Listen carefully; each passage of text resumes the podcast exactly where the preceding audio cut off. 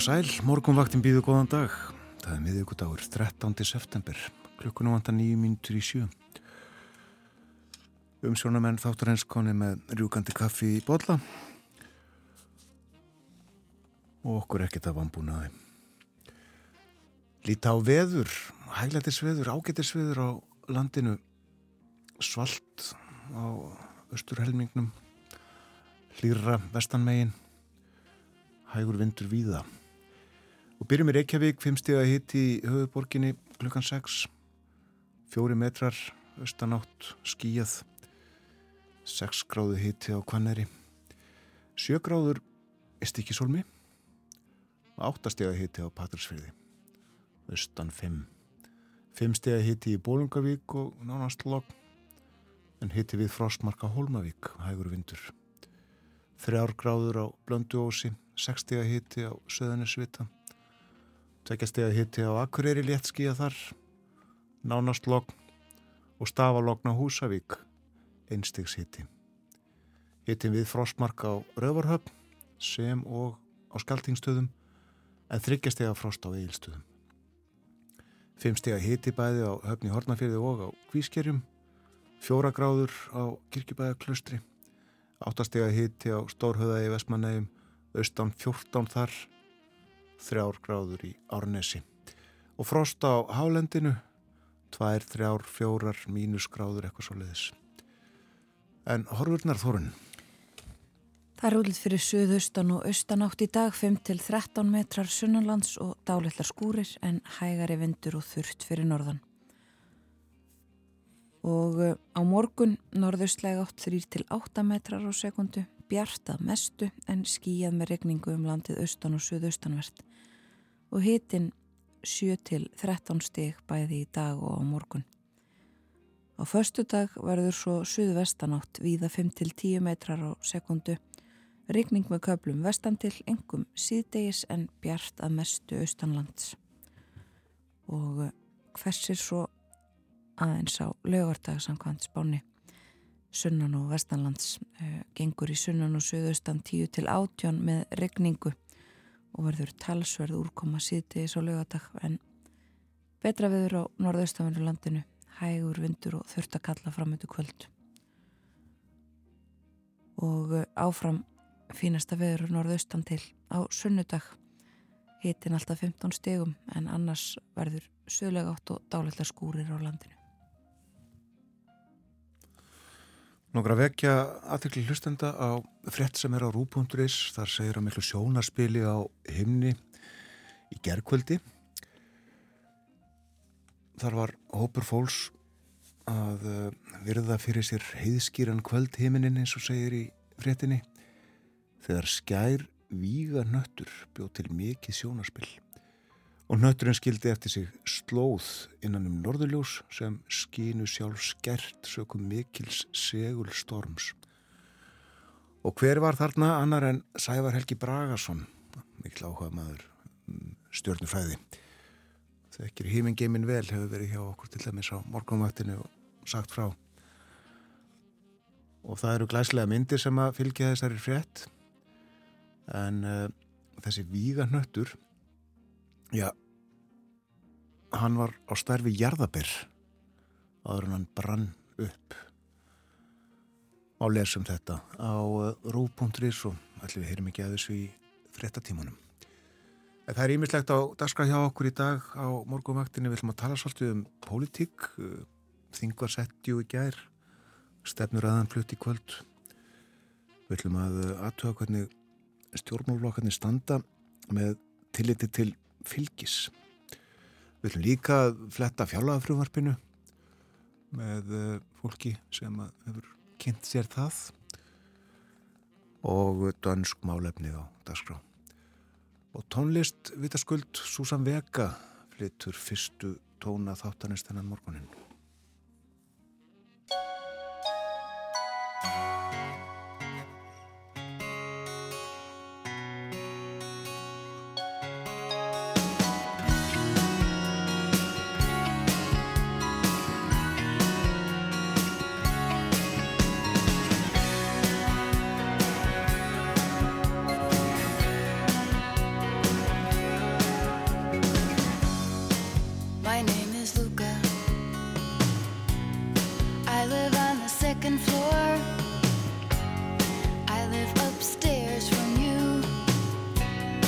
Yes, I think you've seen me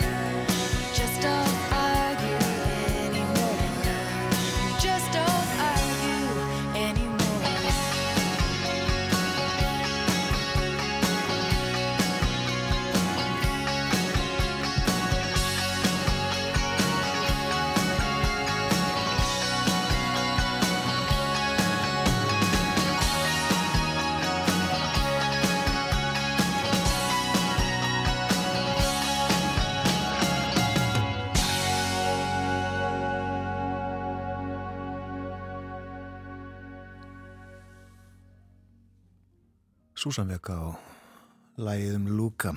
Fallet lag en uh, sungið um þá ömurð sem heimilisofbeldi er. Það líður að fréttum hjá okkur hér á morgunvaktinni kom eftir róma hálfa mínútu. Við fáum okkur aðeins meira kaffi og sittum okkur í stællingar fyrir upphafskynningu þáttar en strax að fréttum lóknum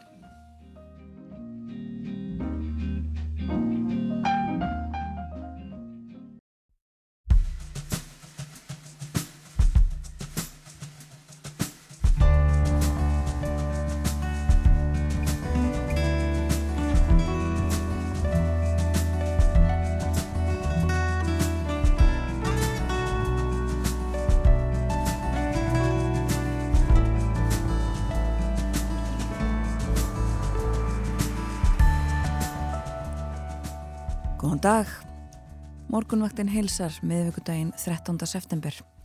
Umsjónamenn þáttarins eru Björn Þór Sjöbjörnsson og Þórun Elisabeth Bóadóttir.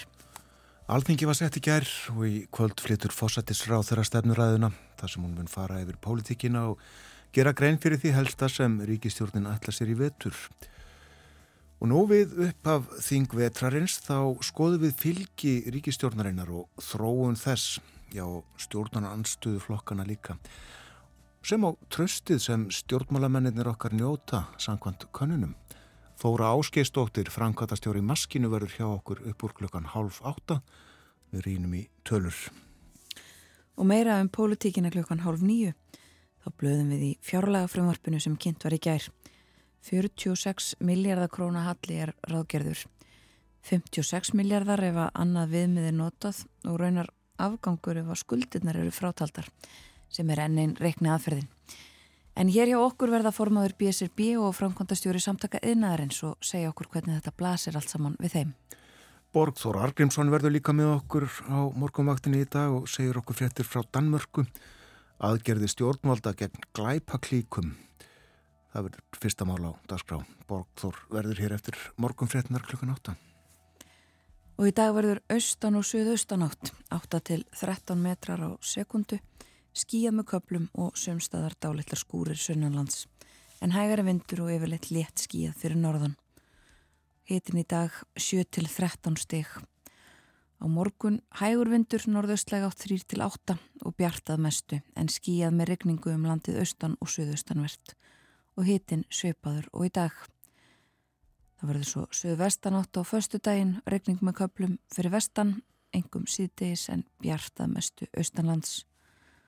Og um helgina regning og rók sunnan og vestanlands á lögadag, hægara vindur og þurftakalla á norðaustanverðu landinu og eh, áfram létt skíjað og hægur vindur fyrir norðan á sunnudag en regning á öðrum í öðrum landslutum Emið það. Það verið ágætlega á uh, þingmennina og uh, annað fólk sem var við þingsetningu í gær á fórsíðu morgunblæsins má sjá fósettan og biskupinn og fósetta alþingis fósettis ráþera og ráþera ganga frá alþingishúsinu yfir í domkirkjuna þar sem uh, fólki var við Guðstjónustu og uh, svo var gengin sama leið tilbaka og uh, mótmælta á Östuvelli, fólk þar kom saman, mótmælti kjörum flótamanna og hælisleitenda með skiltum á ennsku og hér dreyið fram í fyrirsögnu hluti, hluti úr ávarfi fórsetta við þingsetninguna. Þar sem hann talaði um tungumálið okkar og uh, gerði það til og eða ég veit ekki hvernig það var það að tala um að, að uh, mögulega bæri að setja stjórnarskrár ákvæði um þjóðtunguna. Nú, uh, svo er hér talað um fjálaða frumvarpið og þannig 46 miljardar halla sem við sögum frá í kynningu og uh, dreyin út nokkur atriði úr uh, frumvarpinu meðal annars er gert ráð fyrir að eignaskattar hækki tekjur ríkisins af eignasköttum og það um tæpa fjóra miljardar og það er erðafjórskatturinn sem að engum er að skila þessari hækkun. Það er talað um gistinattaskattin líka sem á að koma til framkonta á ný um áramót. Og uh, unnið að því að uh, leggja hann líka á fólk sem kemur hér til lands á skemmtifræðskipum og uh, tala líka um aukin útgjöld til málefna útlendinga, umsækjenda um alþjóðlega vernd og flótafólks en uh, kostnaður vegna þess talin rúmur 15 miljardar en hækkunin nefnur 7 miljardum á raunvirði milli ára. Þannig meðal annars sem um að ræða framlög vegna fæðis og húsnæðiskostnaðir, endur greiðslur til sveitafélaga og vegna samninga um samræmda móttöku flótafólks. Og fjallaði ítarlegar um fjárlega frumvarpið í blæðinu í dag. Og svo er sagt hérna frá því að ríkistjórnin hún bóðar 212 þingmál og um 15 uh, endurfluttur frá fyrra þingi eða fyrir þingum. Þetta var fórsíða morgunblæðsins. En uh, Östurfjett, uh, þar er fjallan nokkuð ítalega um uh, þessi tíðindi sem að bráðust, bárust frá seyðisfyrði í gær eða neskaupstaði í raun þar sem að síldavinslan er með högustöður en upplýst var í gær að uh, leggja á af bólfiskvinnslu síldarvinnslunar á seyðisfyrði 30. november saði tilkynningu frá fyrirtækinu ástæðan sé að uppfæra þurfi tækjakost vinslunar verulega. Það kosti peninga og uh, einingin á segðisfyrði standi ekki undir uh, þeim fjárfestingum. Og uh, rætt við fólk á vef austurfréttar sem hefur starfað þarna. Var ánægt og uh, segir þetta mikið áfall. Rætt líka við sveitastjóran Björn Ingimarsson við heyrðum í honum í frettunum í okkur í gerð en uh, það er pólitíkin. Katrín Jakobsdóttir flyttur í kvöld sjöundu stefnuræðu sína, hún hefur verið fósættisráð þegar síðan 2017 þegar Vafgi, framsóknarflokkur og sjálfstæðisflokkur hófu ríkistjórnarsamstarf því var svo framhaldið eftir kostningarnar 2021 Samstarfið á sínum tíma kom til við sérstakar aðstæður. Uh, ríkistjórninni sem mynduð var eftir kostningarnar 2016 var slitið um miðjan september og það var bóða til kostninga og þær fóru fram í loka oktober. Það tók mánuð að mynda nýja stjórn undir forsæti Katrinar og stefnuræðan var loks fluttum miðjan desember óvinnlugu tími. En heyrum að ganni hér uh, upp af fyrstu stefnuræðu Katrinar Jakobsdóttur. Virðulegur fórseti og góði landsmenn. Við höfum lifað óvenjulega pólitíska tíma undanfærin ár og þessi ástími er óvenjulegur til að eiga umræður um stefnuræði fórsetisræðara og vissulega er þessi ríkistjótt þryggja flokka óvenjuleg að því leiti að þeir hafa aldrei starfað saman áður, allir þrýr að stjórn landsmálana. Hún snýst um ákveðin líkilverkefni sem við öll metum svo mikilvæg fyrir fólki í landinu að við teljum það forsendu fyrir svo breiðu samstarfi. Um leið endurspeglar stjórnin niðurstöður tvennra síðustu alþingiskostninga sem haldnar voru með skömmu millibili og skiluðu ekki afgerandi meiruluta til hægri eða vinstri. Sagt hefur verið að það sé auðvelt að dæma stjórnmálamenn út frá hugssjónum þeirra en mikilvægari dómur sé sá sem falli um þær málamiðlanir sem þeir gera. Málamiðlanir eru ekki eðli sínu góðar eða slæmar og stundu þarf að fórna minni hagsmunum fyrir meiri en niðurstaðan þarf hins vegar að vera samfélaginu heilt til heilla.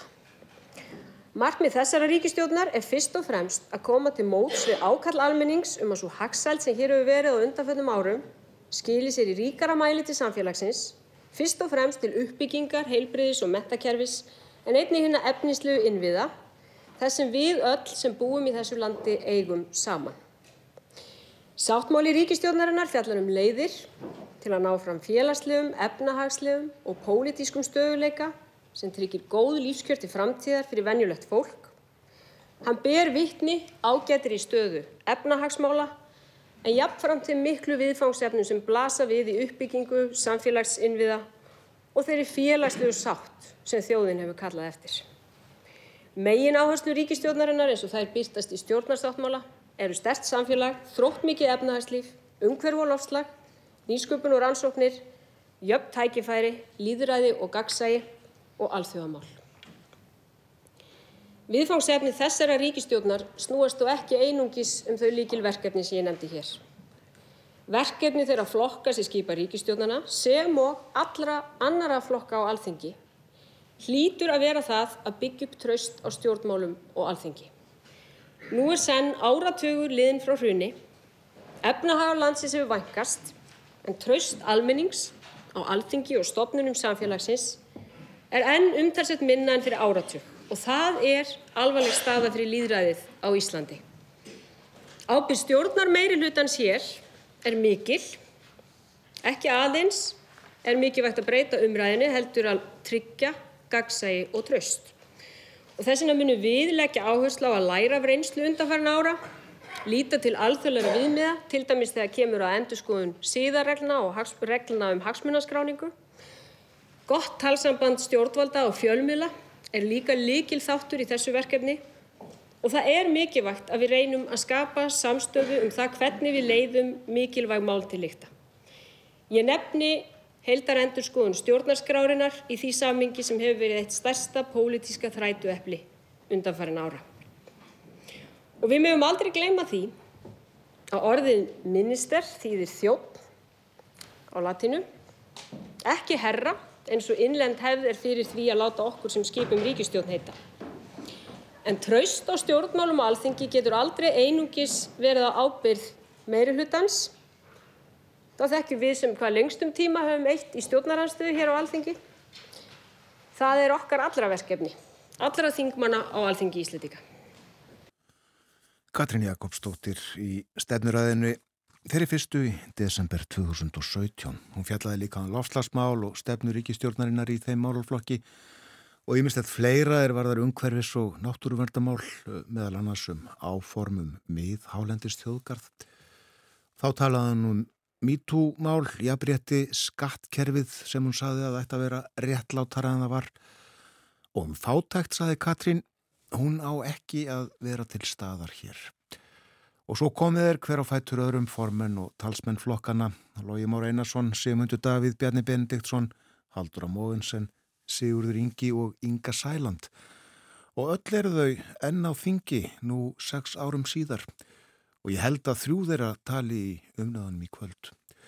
En það var einmitt í umræðum um stefnuræðu fórsættisáþra í desember 2017 sem Inga Sæland flutti jónfrúar ræðu sína á þingi.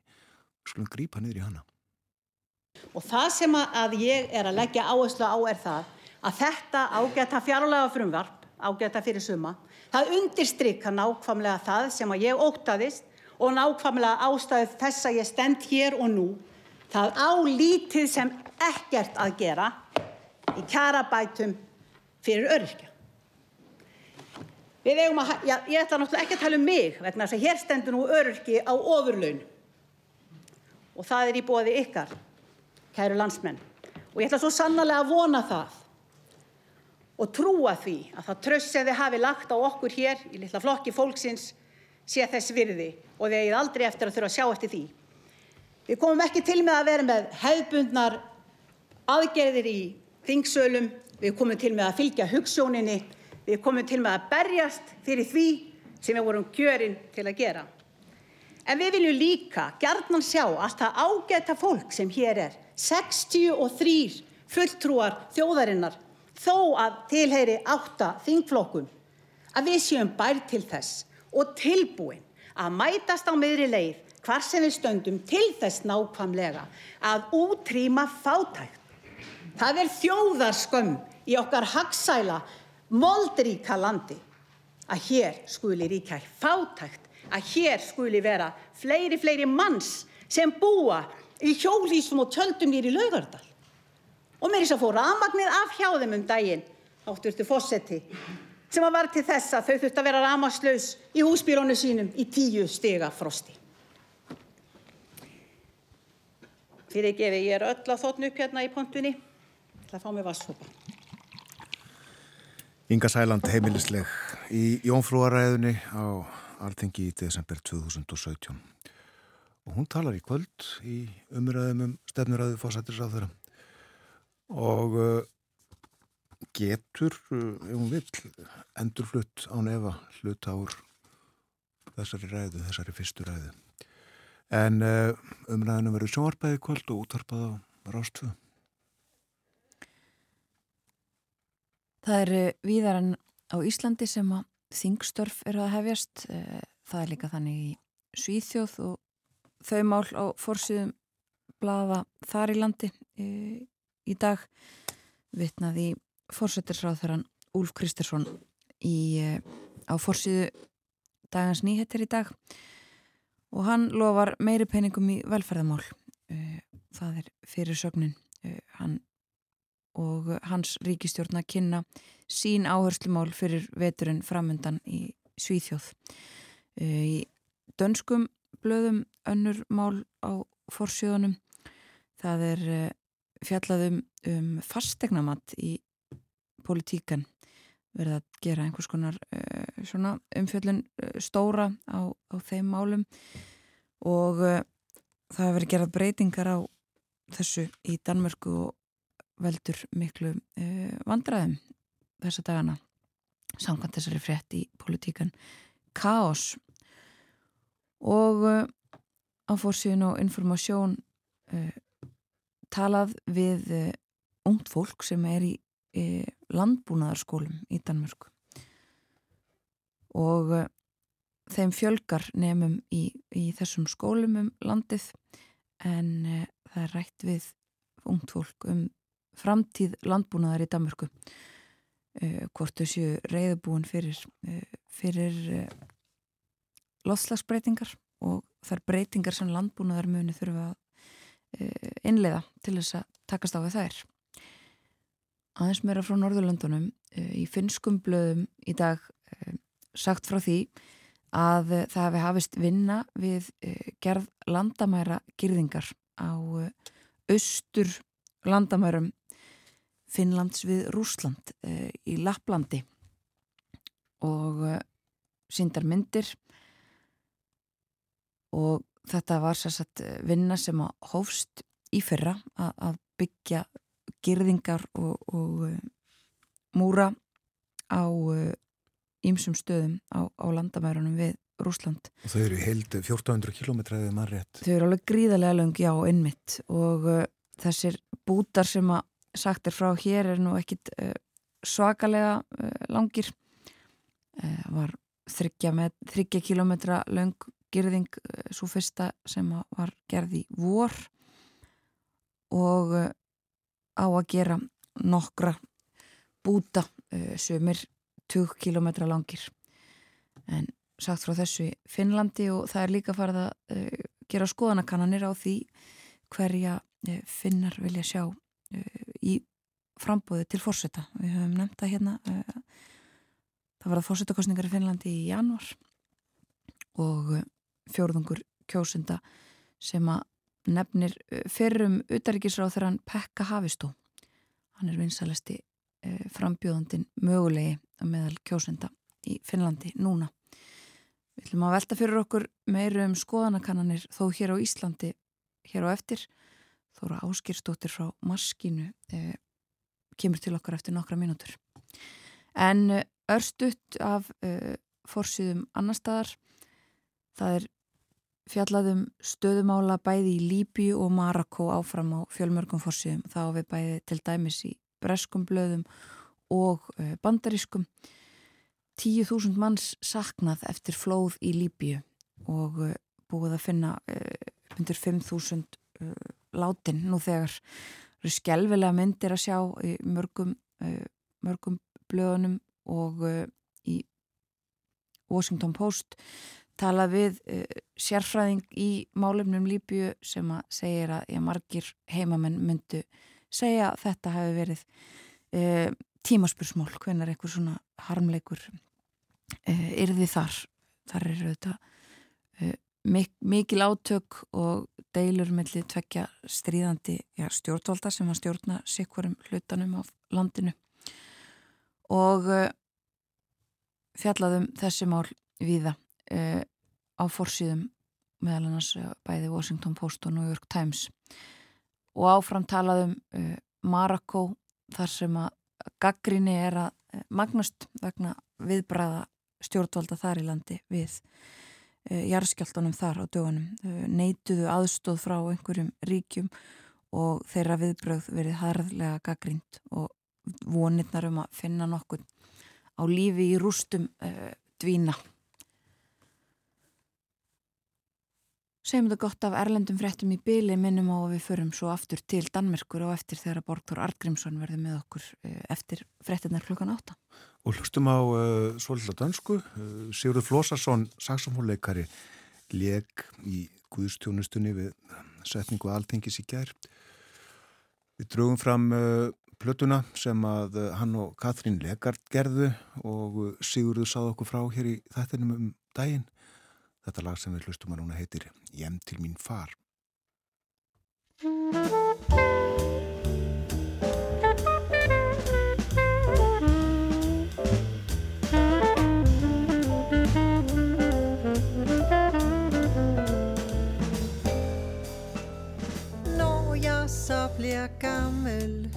Vil jeg hjem til min far. Jeg tager hans favoritter med fra slagteren. Han må drikke lige hvad han lyster. Når jeg så bliver gammel, vil jeg hjem til min far. Jeg håber, at han kender lille mig igen. Jeg tager fotos med af alle. Måske han kan fortælle ting, jeg ikke vidste. Måske tiger vi bare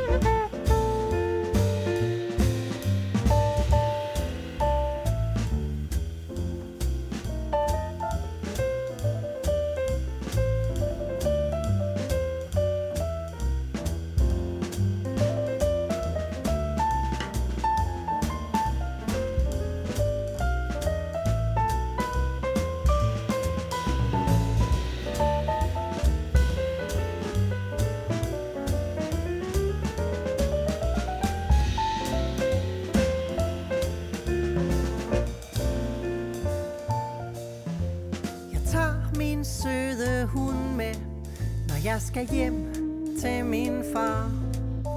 Det ved jeg, han bliver glad for. Han elsker nemlig dyr. Tager min guitar med på ryggen. Måske vi synger sange, som vi aldrig hørte. Måske tiger vi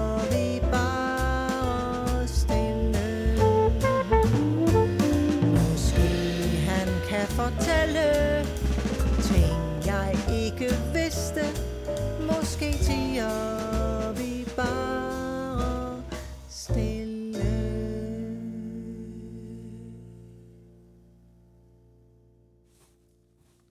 Ljúutónar á morgunvaktinni Sigurður Flósason og Katríne Legard og uh, meiri dönsku heyru við uh, löstundir, já eftir klukkustund löst fyrir nýju, hálf nýju þegar Borgþór Argrímsson verði með okkur, segur okkur tíðindi frá Danmörkun. Já, fáum fleiri danska tóna líka, líklega.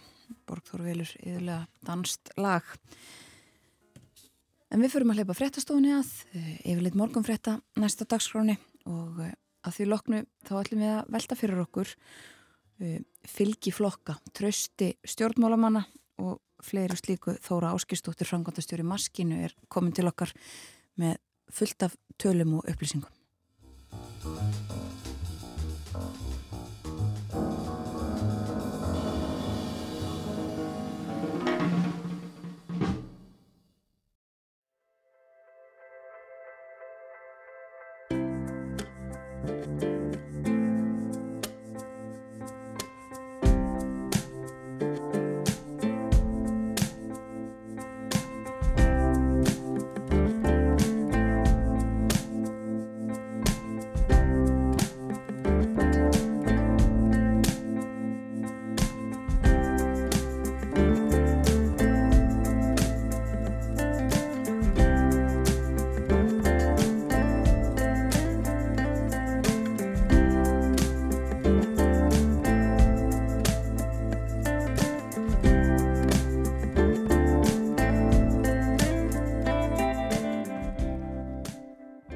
Áframheldur morgunvaktin á rásitt. Klukkanarðin rúmlega hálfa átta. Það er miðvíkudagur í dag, 13. september. Og við lítum til veðurs. Suðaustan og austanátt 5-13 metrar á sekundu sunnanlands og dálætlar skúrir. en hægari vindur og þurft fyrir norðan í dag. Hitin 7-13 stig yfir daginn. Á morgun norðaustlæg eða breytilega átt 3-8, rigning með köplum á austan og suðaustanverðurlandinu en annars bjart að mestu. Og hitin sveipaður á morgun 5. dag. Líka hægur vindur á förstu dag, suðvestlæg eða breytilega átt Skíða með köplum og dálitil regningum vestanvertlandi þá en úrkomi lítið austan til og hitin 6 til 11 stig. Það verður svo aftur svo litið hlýra um helgina, hitin að 15 stigum hlýjast á norðusturlandi og eh, bara svo litið rók og regning sunnan og vestanlands á lögadag annars er bara ágættis viður í kortunum, sínist mér. Og við minnum á það að Í lókþáttarins þá ætlum við að ræðum fjárlega frumvarpið. Við ætlum að tala um það uh, við þau Sigurð Hannesson, frangatastjóra samtaka eðnaðarins og Sonju Ír Þorbergsdóttur, formann BSRB. Koma til okkar klokkan hálf nýju og við ætlum að ræða við þau um það hvernig þessi mál, þetta frumvarp uh, blasir við þeim. Og áður en að því kemur þá verðum við okkur Borgþór Artgrímsson eins og eðulega á meðugtasmórnum dönsk málefni á dagskráni eftir frettinnar klokkan átta. Meðal þess sem við ætlum að ræða er uh, það hvernig stjórnvöld í Danmörku ætla að taka á uh, glæpagengjum. En já, þingstörfin er að fara af stað eftir sumarlefi. Þingsetningin var í gerð, fórsættisráþur að flyttu stefnuræðu sína í kvöld og framfara umræður um hana og fjálaga frumvarpið sem kynnt var í gæri verður tekið til meðferðar á morgun. Gjörtímabilið er hálnað en samstarf stjórnarflokkana, Vafki, Framsóknar og Sjálfstæðisflokks hefur staðið í sex ár síðan eftir kostningarnar 2017. Stjórnarflokkarnir hafa töluverðan þingstyrk, samtals 38 þingmenn eru í þingflokkum þeirra en 25 í 5 þingflokkum stjórnarandstöðunar. Og í samræmi við nýðustuður kostningana fór ríkistjórnin ágætlega af stað ef að hortir til fylgismælinga í skoðanakonunum en nú er vist önnu staða uppi. Hér er Þóra Áskistóttir, frangatastjóri maskinu. Skoðanakannanir hafa verið hennar ær og kýrum árabil. Velkomin til okkar í þáttinn. Takk fyrir. Við ætlum að uh, draga fram tölur, uh, mælingar á uh, nokkum þáttum uh, stjórnmáluna og uh, förum við að byrja svolítið aftur í tíman. Hvað er það að byrja? Já, ég, ég vil nú gætna byrja á því að, að hérna, bara minna á það að þetta er alltaf punktstaða. Af því að hér var sagt í ykkar þættum daginn að þetta veri bara skemmtilegur samkvæmisleikur að þá eru þetta alltaf verið að fást við viðkenda aðferðafræði félagsvistana og fólk er alltaf spyr, spurt hvað það ætlar að kjósa í dag Það er ekki verið að spyrja hvað það ætlaði að kjósa eftir, eftir tvö orð til dæmis þegar kostningarna verða. Og náttúrulega staðan í dag er svo að, að, að stjórnarflokkarnir eru með 37% atkvaða af, af þeim sem að hérna, taka afstöðu. Og það er auðvitað mjög gaman að velta fyrir sér og eins og þú sagði, þetta er búin að vera mínar ær og kýr áratugum saman Já. og e, mér finnst þetta alltaf hjá skemmtilegt sem er nú e, mikill kostur þegar maður vinnur við þetta. En, en hérna, en það eru auðvitað búið gaman að velta fyrir sig bara, ég, hérna fyrir fram með með uh, fylgið alveg frá hruni og, og hérna auðvitað fer, fer eins, og, eins og allir vita samfylgiki núna með heiminskautum í, í skoðanakönnum og hefur gert núna alveg síðan að Kristrún tók við forminsku þar. En, en hérna, en það var náttúrulega sami upp á tenningnum 2008 þá voru, þá fekk samfélkingin, auðvitað fekk hún hann í kostningunum 2009 fekk hún 30% atkvæða og þá var hún búin að vera líka svona há en, en fylgið rundi náttúrulega af í skoðanakönnum af, af floknum mjög fljótlega upp úr því. Og, og hérna bara eins og við munum og þá, þá hérna held svo stjórn náttúrulega alls ekki. Þannig að og, og, og lægst fór fylgið í skoðanakönnu hjá okkur í, í 8% hjá, hjá hérna samfélkingunni 2016 þannig að auðvitað segir þetta manni alltaf mjög mikið til um það hversu ánægt fólk er með flokkana hverju sinni. Já, og en það hafa verið gríðarlega sveplur á fylgi samfélkingarinnar en þetta á þessum tíma. Já, rosalegar. Og meiri og, heldur en hjá öðrum flokkum. Já, píratar eiga nú vinningin af vísu. Þegar maður skoðar svona hérna, en, en samfélkingin sem þarna fer mjög rætt niður í, þegar í stjórnartíð hérna Jóhannu eftir kostningarnar 2009 og eins og ég segi fara niður í 8% hjá okkur í skoðanakonunum 2016 og það er bara svona eiginlega nánast svona, svona bara hérna línuleg línulegt fall þarna.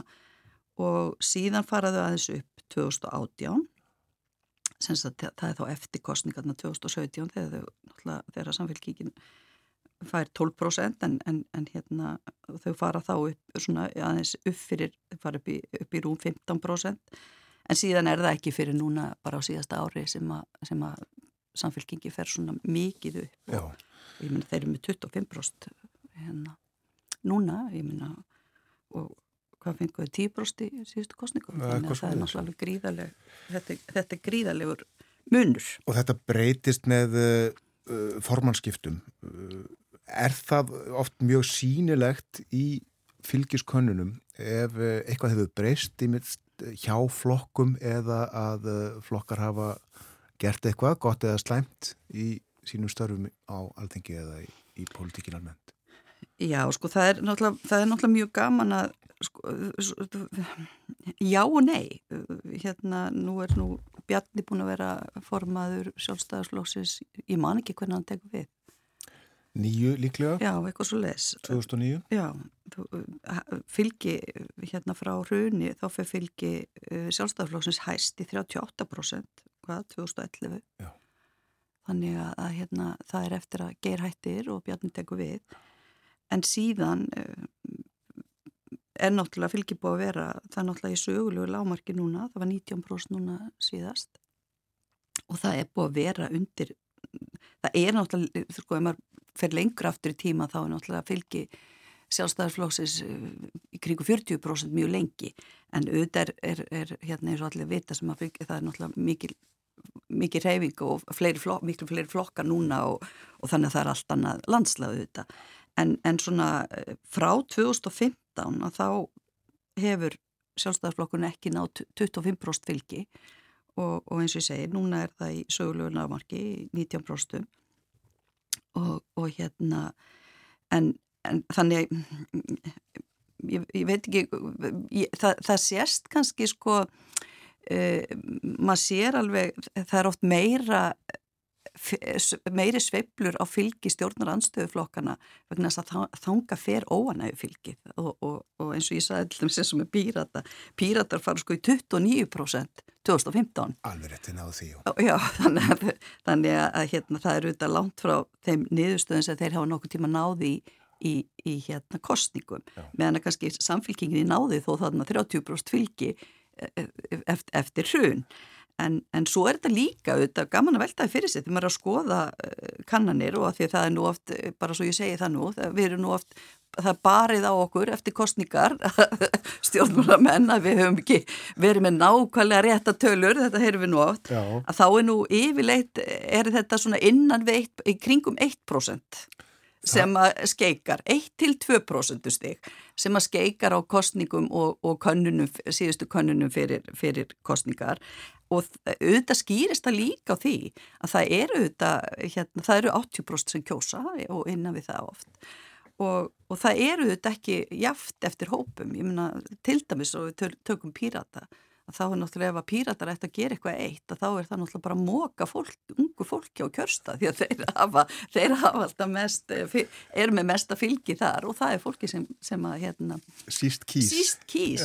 þannig að, að, að það eru þetta hérna gaman, svo eru þetta þú veist framsókn er, eru þetta líka, það er gaman að velta fyrir sér framsóknufloknum því að hann hefur, hefur sko mjög oft toppað á réttum tímum Framsónuflokkurinn er svo flokkur sem er kannski oft hæstur rétt fyrir kostningar og er þá er að ná hérna, uh, miklu fylgi í kostningum mm. þannig að ef maður skoðar sko, fylgi þeirra, ég menna ég er eftir hugin þá er þeim með 7% þá er náttúrulega líka uh, og svo eru þetta uh, hérna auðvitað kemur þú veist, ef maður skoðar og, og, en, en síðan fara þeir til dæmis mjög hátt þarna, þeir eru í 20% 2013 og þá fá þeir líka 24% í kostningum mm. þannig að það, það, er, það er svona það er svona gaman að velta fyrir sér framsóknarloknu hvað hann, hann bara svona er, er milli kostninga þá er hann bara svona á, á, á hægur róli en, en svo þegar áþrá að halda að, að þá hefur hann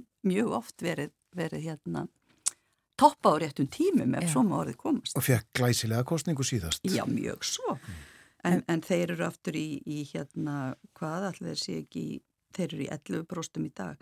Og svo náttúrulega Vinstri Græn sem eru auðvitað, fengu náttúrulega gríða þetta 2009 fá þeir 22% fylgi og þeir fari 30% í, í rétt fyrir þær kostningar í, í skoðanakonunum.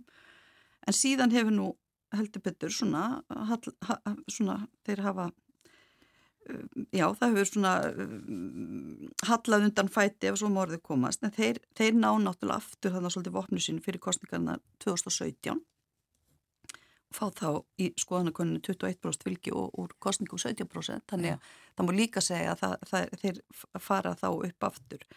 En, en þetta er auðvitað eh, vissulega það er bara gaman að velta þessu fyrir sér. Svo er, svo er flokkur eins og viðreist sem að hefur, hefur hérna alltaf fengið aðeins minna í, í könnunum heldur en í, í, í úturkostningum og það var, það var, ef ég man rétt, að þá var mesta frávik hjá viðrest hérna, eftir síðustu kostningar og, og hérna hverju sætir, það var bara gaman að heyra hérna, mína gömlu profesora í við suðugutuna hérna, og, og auðvitað nýtt fólk sem að, auðvitað allir hættir sem að voru mínir profesóra en, en hérna það er alveg það, það er auðvitað eitthvað sem er rannsóknar efni Já.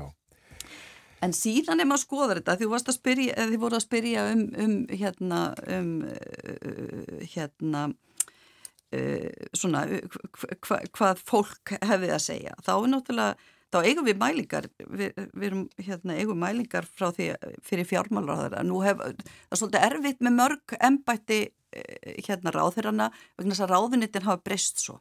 Þannig ég ætla bara að tala um tvo. Ég ætla að tala um fjármálaráðara og ég ætla að tala um fóstisara. Trösti til þeirra. Trösti til þeirra. Ah. Og eh, þegar maður skoðar fjármálaráðara þá á ég elsti tölur síðan fyrir sjöun þegar Átni Mattísen var, var stóð í brúni og, og, og það er nú kannski svolítið ósangjant að eh, hann nú hestamæður og við þekkjum staðan og það er náttúrulega ósangjant að, að, að hérna reyfi þetta upp en, en sko þegar Átni Mattísen hættir í síðustu konun fyrir það að þá hérna þá er 5% sem bera til hans mikið tröst. Og, og hérna það er náttúrulega tölur, þarna eru þetta eins og kom nú fram í ræðununa Katrínar í, þegar ég var hlust í morgun þegar það voru að spila fyrstu ræðuna hennar Já. að þetta var tröst á þessum tíma óskaplega látt hjá öllum og þetta er nú svona tölur sem að maður hérna sér sem betur fyrir ekki mikið í dag. Nei, en uh, segir nokkuð til um ástandið í samfélaginu? Algjörlega, algjörlega og þess vegna segir það nú kannski hérna, já bara þess að einu mælingu af átna matt og það nú kannski ekki, ekki hérna, ekki, þetta er ekki alveg sangjant að, að draga fram þessa einu tölum hann vegna þess að hann, ef ég mann rétt sko að þá, að því að, að því að ég er búin að fylgjast með þessu svo lengi þó maskina ég ekki hérna eldri tölur að þá naut hann ágetist trösts fyrir, fyrir hrun. Já. En síðan eh, tekur náttúrulega Stengrimur jóð við og fyrsta mælingin hans sem er þannig í februar 2009 að þá eru, þá eru fleiri sem bera til hans mikið tröst, heldur lítið. Og það er í eina skiptið síðan þá sem að eru fleiri sem bera mikið tröst en lítið til fjármálaráður og þetta er svolítið merkilegt að, að hérna, þá er maður bara að bera saman þá sem segjast bera mikið tröst og þá sem segjast bera lítið tröst. Svo, svo eru þetta alltaf þeir sem segjast bera í meðalagi mikið eða lítið tröst til, til viðkomundir á þeirra og ég, ég er ekki að tala um þá. Og það eru þetta mishátt hlutfall.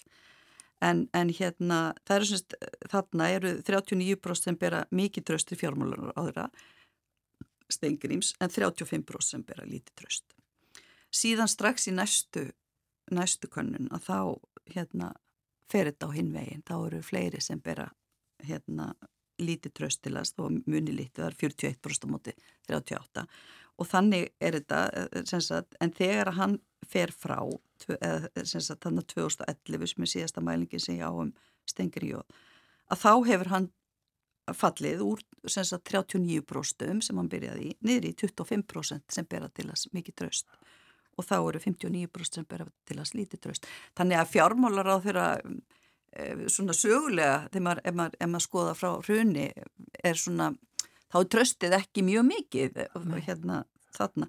Og svo auðvitað tekur Bjarni við og, og hérna og ég með tölur alveg frá 2013 fyrir Bjarnabenn fyrir Bjarnabenditsson og, og hérna allan þann tíma hafa fleiri borið til hans lítið tröst og, og hérna það hefur stundum verið talsverð þegar þannig að 2013 sem er elsta mælingi sem ég á um, um Bjarnar að þá eru 35% bera til hans mikið tröst en, en, en 45% lítið.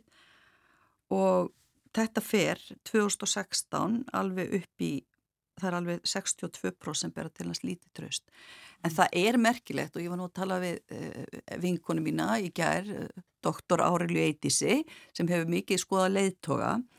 Og það er merkilegt að, að hérna það sem að trösti til bjarna er, er mest fyrir í 58% sem segjast bera til þess mikið tröst. Það er í COVID. Og leiðtófræðin segja það, segir árleitis mér, að, að, hérna, að fólk þjappar sér saman um leiðtóana á, á, á krepputímum ja. og það er svolítið gaman að því ég var að nefna Stengri Jóð hvernig hann byrjaði og svo aftur núna bjarna í, í, í COVID að þá er að báðum þessum tímum sem að allavega svona, já fyrir mig þá eru þetta nú kannski mestu kreppi tímanir, það er hrunið og COVID að þá, þá er það á þessum tímapunktum sem að, sem að tröstið er mest já, til fjármálraðara. En, en fósættisráðara? Já, einmitt, svo er það nú. Ég, en ég ætla samt að segja hérna áðurni fyrir fósættisráðara að það var líka svolítið merkilegt að, að hérna sem segir manni kannski að, að fjármálaráð þeirra er ekki, ekki svinst allt ráðunetti, ég veit ekki en þegar við spurðum í upphafið þessa árs uh, hver væri besti fjármálaráðurann að þínum mati að þá lendir Bjarni þar í öðru seti á eftir Kristrún Frostadóttur það eru 31% segja Kristrún og það eru 24% segja Bjarni. Já. en þegar við spurðum upp fórstisvara og, og hérna að þá er það Katrín sem að, sem að hérna það eru þriðjungur sem að segir að, að Katri sé besti fórstisraðurann en þá er Kristrú líka öðru sætti, þetta er náttúrulega þannig að þegar hún fer þarna alveg með heiminn skautum og með, með flokkin og, og hérna nýtur mjög mikil ströst og það er 23% sem, sem haldaði fram að, að, hérna, að hún væri besti fórstisraðurann eh, Katrín, það er mjög skemmtilegt að, að velta því fyrir sér og, og hérna og við til dæmis þegar maður spyrum bara trösti til leiðtóflokkana að þá er, ber hún sko höfuð og herðar yfir aðra. Það eru 55% sem segjast bera til hennar mikið tröst meðan að til dæmis næstur kemur sig úr ringi og, og það eru 38% sem segjast bera mikið tröst til hans og 29% sem bera mikið tröst til Bjarnabén og, og hérna og við verðum líka sko svona sögulega að þá hefur kannski oft trösti til hérna fórustumanna sjálfstæðarflósis verið hátt vegna þess að flokkurinn er svo stæsti, ég meina hann hefur nánast með þessari einu undatekningu svona frá því að ég fór að fylgjast með stjórnmálum, þá hefur, sjálfstæðarsflokkurinn auðvitað haft mest fylgi og það er náttúrulega hérna, yfirleitt fylgi þar á milli. En, en ég menna það er líka þarna eru, þarna eru til dæmis aðrir hérna leiðtór flokkana með miklu, miklu, miklu læra, ég menna Lógir til dæmis þarna með 17%, Torgjur Katri með 20%, menna sko að því ég var að nefna Katrinu, hún er með 55% og þetta er auðvitað þarna verið að spyrja alla landsmenn. Þannig að hún, hún er hérna ber svona höfuð og herðar yfir aðra og aftur er ég með tölur frá, frá hérna 2009, en 2008 segi ég og Katrín er eini fórstisraðarann þar sem alltaf hafa fleiri borðið til hennar mikið tröst en lítið. Og þetta er náttúrulega bara uh, glæsileg framist að hjá, hjá mannesku sem að hérna, maður, sem, að, sem er sko hérna stýri litlum, tiltölulega litlum flokki. Já, og er búin að vera svona óbúslega lengi líka. Já, mjög lengi og, og, og hérna, hún fer hæst sko í COVID Já. og líka Sigurður Ringis og ég hérna, nefni hann nú sem svona þriðja leittóan í, í, í, hérna, í, uh, í uh, þessu þrýegi eða þessu þryggjaflokkastjórn en hún fer hæst sko í 61% í COVID, þá eru 61% sem bera til það mikið tröst en hún er í hættu því að núna í síðustu, við, við, höfum, við spyr, hefum spurt í nóvember og það verður gaman að sjá hvað kemur upp úr uh, hérna næstu kannun en, en fyrir ári síðan eða 2022, það er nýjasta mælingi sem ég með, að þá voru 43% sem að, sem að báru til hennar mikið, mikið traust og 37% lítið. Já. Þannig að það er svona, en, en svo er ég með til dæmis eins og bara Sigmund Davíð, uh, Jóhannu Sigurðardóttir sem byrjaði mjög hátt, hún byrjaði í 61% uh, báru til hennar mikið tröst og svo bara hrundi hún og þegar hún hætti voru 18% sem báru til hennar mikið tröst mm. Þa, og það er svona, og, og sami með Sigmund Davíð, 50% báru til hans mikið tröst þegar hann byrjaði 10% þegar hann hætti. Það var margi farið vel að stað í ennbæti. Það hafa margi farið vel að stað og þess vegna fannst mér mjög aðdeklisvert að skoða Katrínu sem svona, eh, hún er nú bara fórstisraðara nummið tvö sem er kona og, og hérna það er fyrir, maður er nú alltaf það er nú alltaf feministk taugumanni og manni finnst nú skipta máli að stelpunar hafi, hafi líka hérna svona fyrir minn og, og hérna þá, það, og, og það er ekki eins og hún hefði ekki staðið í olgu sjó. Nei. þannig að það er, það er, það er aðinni sótt. Þannig að þetta er svona þetta er hérna Finnst þetta merkilegt. Þetta er staðan, já. já. Alltaf að fylgjast með uh, stemdraðin hennar í kvöld og umræðinum um hana? Já, ég er svo mikið nörd. Ég bara, mér finnst þetta svo skemmtilegt. En ég sitt mjög ofta einn heima hjá mér, sko. Ég við ekki það. Heyriru í, í ræðu fólks uh, einhver svona, einhver að búta, kabla, einhver moment eins og sagt er það sem að, já, þetta, þetta mun hafa góð áhrif á viðkomandi í næstu mælingu? Ég sko, ég held nú, ef ég á nú að vera alveg heiðaleg, þá held ég nú bara þeir sem har hlust á stefnuröður og, og umræður um, um stefnuröður fórstisraðara séu lungu búin að gera upp fyrir sig hvað er alltaf kjósa og, og, og hvað er gefa upp í, sko, í, í könnunum. Þannig að ég held að það sé ekki hópurinn sem er svona floating voters eins og, eins og ég er sletti nú. Það er þeir staðföstu sem að fylgjast með þessu. Ég veit ekki, ég, ég, nei, ég, ég ætla ekki að halda það fram en, en mér finnst þess að bara svo gaman og hérna, ég á líka svona nörda vinkonu sem að finnst gaman að fylgjast með bara hvernig, hvernig fólk ber sig að í ræðustól og, og það er náttúrulega líka bara hérna, óskaplega skemmtilegt að fylgjast með því. En þetta segir bara til um kennitölum hans. Stefnir aðeins sem satt í kvöld og umræðinur um hana þakkaði kellega fyrir að vera með okkur hér á morgunvaktinni Þóra Áskistóttir og það verður gaman að sjá þessar kannanir frá, sem koma næst í, í oktober mánu, november segju, nýjar mælingar þá. Já. Takk, takk. Takk fyrir mig.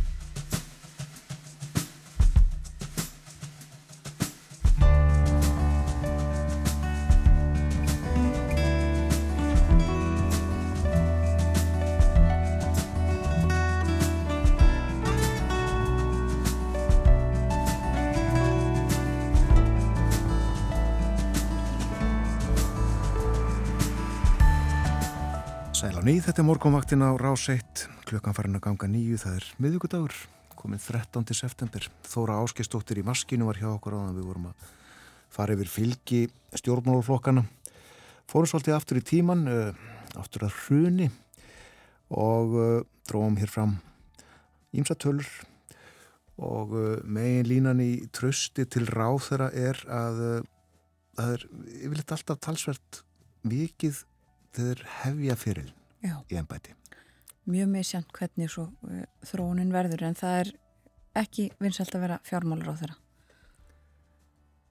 Og uh, stjórnflokkarnir með uh, 37% fylgi nú þegar þingstörfin eru að hefjast. Við ætlum að tala um fjárlega frumvarpið og eftir. Það var kynnt í gær og ætlum að blada í því með Sigurði Hannesinni, frangatastjóra samtaka yðnaðarins og Sonju Ír Þorbergstóttur formann í BSB. Þeirra hvernig þetta blasir allt við þeim.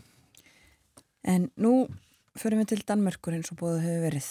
Borgþóru Artgrímsson komin til okkar og uh, þá eru dönsk málefni á dagskrá. Góðan dag Borgþór. Já, góðan dag. Uh, við höfum talað svolítið um Kristjaníu í þessu Danmörkur spjalli undanfarið uh, og síðustu helgin í ágúst var framið morð.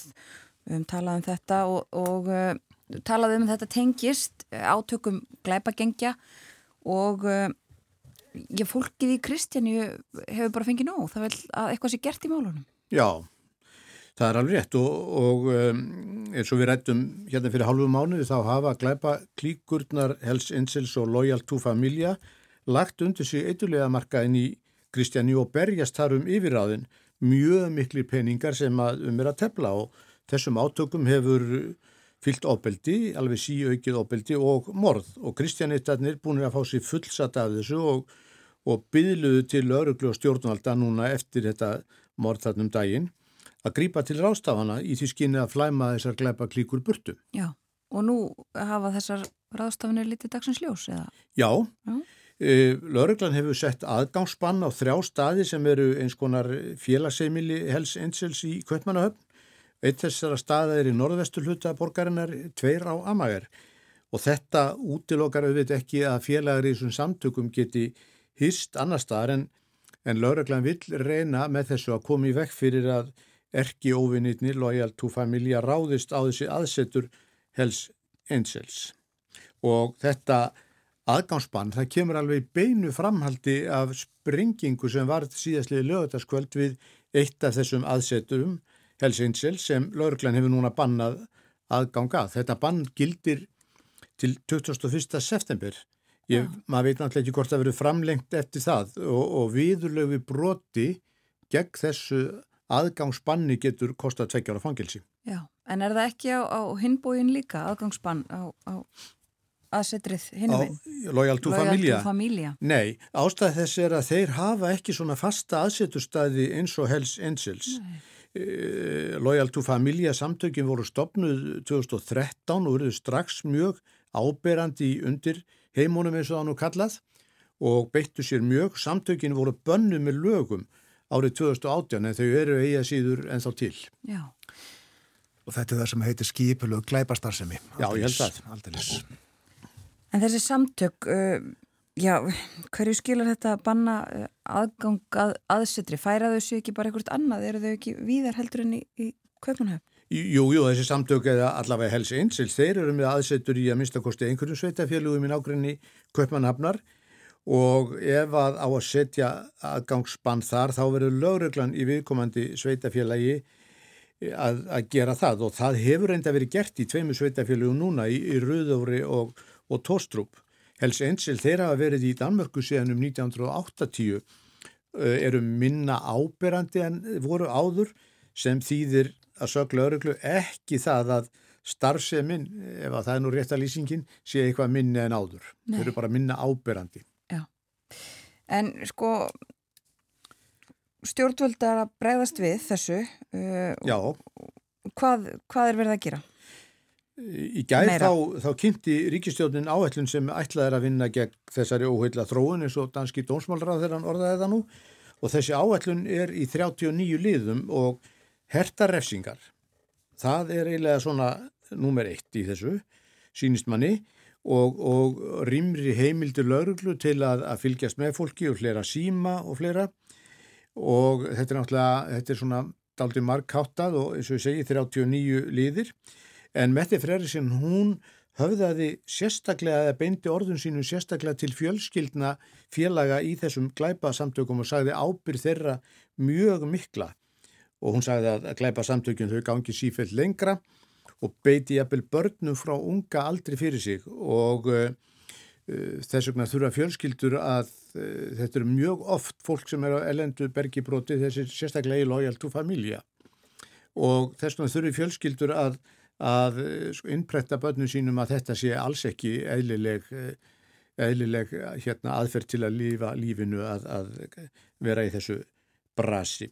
Viðurlegu vegna vopnaburða verða líka hert, gildi bæðum skotvopn og nýfa og það er ekki það að að hafi beitt nýpnum heldur að þú sért með hann á þér. Það er orðið refsivert. Nó að bera hann. Já, þetta er í fjórðaskipti sem að Dönsk ríkistjórn leggur fram svona áætlun. Bandri pakki eins og þið kallaði þetta nú. Fyrst var það nú gert fyrir 14 árum. Og það hefur ekki dugað til. Nei, já, nei. En er þetta vandamál? Stór, já, já, vandamál. það hefur, það hefur ekki dugað til. Og þeir lögða, eins og ég sagði áðan, alveg sérstak áherslu á það að, að herða fangilsistóma, reyna með öllum ráðum að hindra leiðtóana og fyrirmyndirlar í gleipa samtökunum í að starfa mm. því að þú gerir ekki mikið, mikla skipularsvinnu og þess áttar í áttafermetrum eins og einnar áþeran komst nú á orði. Þetta kostar peninga er það ekki þessar aðgerðir? Jú, það gera þær og ráþrætni tölu nú um það. Þegar það verður settar 100 miljónir danskara króna í þetta á þessu ári en svo 150 miljónir árlega fram til 2027 150 miljónir, er það ekki 2,9 miljardar íslenskir cirka já, á hverju ári Þetta er að segja þrýr Já, þetta er nú svona talsvert sko. já. já, þetta er dák og fjárhæð Já, já En uh, er mikið og margt vitað um uh, þessi samtök, er til dæmis vitað um, um uh, fjölda félaga og þarfandi gutum? Já, ég held að lögreglan viti nú ansi margt um þetta þó þeir láti það nú ekki mikið uppi en Það er talað um að það séu um rúmlega 1300 mann sem er í þessum uh, samtökum sem eru náttúrulega fleiri en bara þessi tvö í Danmörku. Og þeir segja að þeir vilji nú alls ekki að þetta verði eins og í Svíþjóð. En þar er talið að séu um 30.000 sem eru félagir í svona samtökum. Og Danirnir vilja nú ekki komast í þann hóp. Já, þeir eru nú ekki að dölbúa sín eitt sérstaklega allavega ekki eh, engladnir Hells Angels eh, í leðurjökkunum með verkinn stóra á bakkinu og ofta á hjólum, móturhjólum. Ja, það er nefnilega líka partur af þessu, það er að, að höfða til þeirra sem finnst þetta sko flott. Mm. Það, þannig að maður er í ykkurum hópi og, og, og við erum hérna sama félagarnir og eitthvað svona. Já, Já stjórnvöld að standi í þessu en uh, eitthvað annað sérstakt í pólitíkinu þessa dagana? Það er nú engar svona stóra bombur held ég með að segja en um síðustu helgi þá var danska sjónvarpið DR með langt viðtali við Sören Papi Pólsen sem er formaður danska íhaldsflokksins. Hann hefur nátt undir högg að sækja eftir mjög slæma útkomi flokksins í kostningunum fyrsta nógumbur í fyrra. Útlítið hafi verið mjög gott fyrir flokkin. Í ágúst þá var íhaldsflokknum spáð 31 þingmanni en þegar að tali var upp úr kössonum þá þá reyndust þau nú aðeins tíu Já, var... og síðan hefur mikið verið talað um þetta og, og hverja orsakirna væru og hvort að Sören Papi geti setið áfram og svona. Já, eh, er eitthvað búið að finna það hver, hver orsökin var? Var það eitthvað eitt sem var þess valdandi að þetta var niðurst það? Nei, það var nú, það var nú svona fleira, sko, formaðurinn var eða sá sem allt snýrist um í, hjá flokknum í þessum aðranda kostningana og hann eh, svona gerði alls konar bommertur eins og maður segir nú í umræðum til dæmis þá líkt hann nú Grænlandi við Afríku á Ís, það fóð nú ekki vel í fólk. Hvað átt hann við með því? Já, hann reyndi síðar að útskýra, hann hefði verið að meina að há sjálfsmórstíðni og, og, og sifjaspell á Grænlandi, það líktist á vissanhátt ástandinu í mörgum löndum Afríku. Svo hafði hann sagt að maðurinn sinn, sem er núverðan fyrfirandi maðurinnars væri náfrændi fórseta dominíska lífveldisins og það var ekki rétt og, og svo kom það fram að árið 2018 þegar hann var dómsmólar á þeirra e, í stjórn, fyrri stjórnvetti þá e, hefði hann hitt ráð þeirra og fórseta dominíska lífveldisins á þess að danska auðarikisánetið kemur það nokkuð að málum og þetta er nú alls ekki gott, Nei. ekki til síðis og svo hafði hann talað um að fjarlæga háteikjuskattin eins og hann er toppskattin eins og hann kallar í Danmörku en svo dróða það allt tilbaka og sagði að það væri ekki um það að ræða og það er ekki eitt heldur allt einhvern veginn. Hann er enn formadur? Já, hann er enn formadur og ætla sér að vera áfram ef hann fær stuðning en ársting flokksins fer fram um aðra helgi og danski stjórnmálaskýrandu telja nú líklegt að hann verði áfram því að það er ekkit svona augljóst formansefni í auksin í floknum. Hvað fleira sem við viljum nefna úr dansku stjórnmála? Já, já. Eh, það gerist nú í gæri að, að eh, fólk sem að hafði verið vista á stopnunu fyrir þroskahamlaða á vegum ríkisins á árunum 1933 til 80 það fekk ofinbera afsökunarbeginni fyrir það að stjórnvöld hefðu brúðist þeim. Mart fólkuð sem hópi það hefði mátt sæta margskonar ofbeldi e, í þessu stopnunu sem það dvaldist á og mistakosti 5.000 manns hefur verið gerð ófrjó bæði, bæði kallar og, konur. Og um, einnar á þerran Pernille Rosenkrantz Tæl hún bað fyrir hönd ríkisins og ríkistjórnarinnar alla hlutaðeigandi afsökunar á því sem gerst hafið og sagði þetta eitt svartasta blett í sögu Danmerkur. Og margt að þessu fólki það er náttúrulega dáið eins og gefur að skilja en margt að þessu fólki var líka með fulla greint og hafði kannski bara vegna fátækt að nupla frá öðrum og verið ódelt í skóla og eitthvað þess aftar.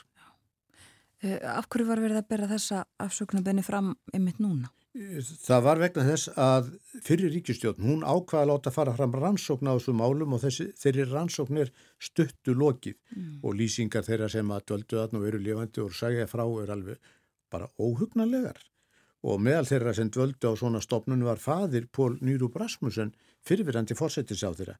Fadirinn er laungu látin en Pól Nýrúp sagði þessa afsökunarbeginni mjög mikilvæga, nú gætu menn rétt úr sér.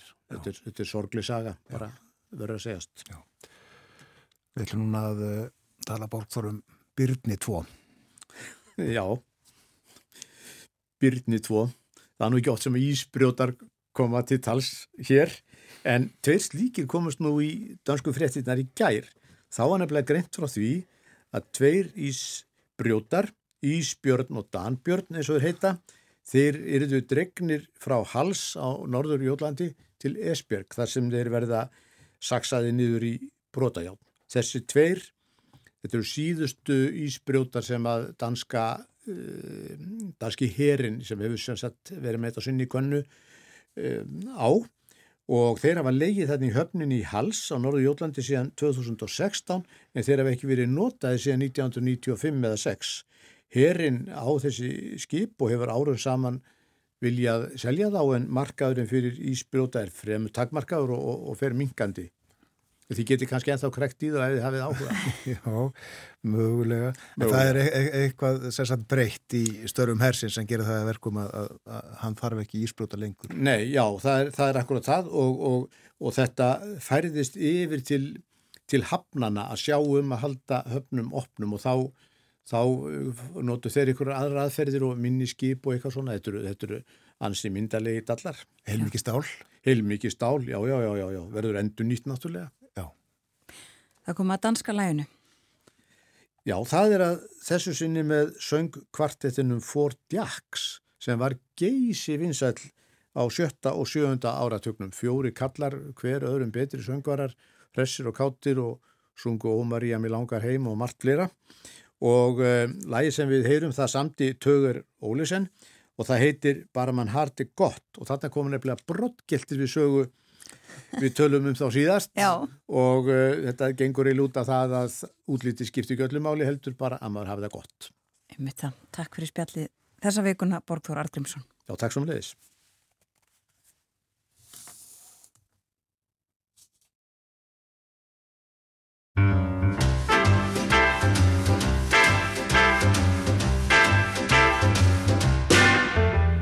Jeg så den grønne skov, og jeg gik ind i. Der mødte jeg det flinke lille pinsvin. Jeg hørte først en dyb og dæmpe snøften. Så puslede det bladene i krøften. Så så jeg fyren klart med græssets grønhed. Og sagde, her pinsvin, de er ingen skønhed. Han svarede roligt med en venlig grønden. Hvor hvad rolle spiller faktisk også bønden? Når bare man har det godt, ja bare man har det godt, gør det så noget, man ikke er så pæn. Hva? Når bare man har det godt, ja bare man har det godt, gør det så noget, man ikke er så pæn. Jeg ved, at pindsvin godt kan være prikken og lege nogle puder op i stikken. Men fyren her var venlig hele tiden. Hvorfor han var så glad, forstod jeg siden. Her pindsvin kaldte i en munter tone. Fra solbærbusken svarede hans kone. Og fire børn kom frem fra deres gemmer. De sang i kor med rene, klare stemmer.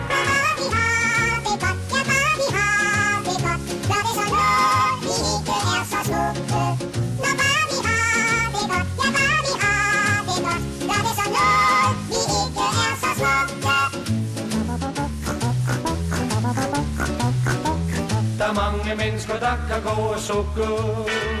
Fordi de synes, de ikke selv er smukke. En smule grimhed spiller ingen rolle Når bare ikke hjertene er kolde. To øjne, der er levende og varme. Kan give en grim Rian en masse charme. Det hjælper ikke spor med sukkersnøften. Næh, syng som grisebasserne i grøften. Når bare man har det godt, ja bare Gør det så noget, man ikke er så pæn Når bare man har det godt, ja bare man har det godt Gør det så noget, man ikke er så pæn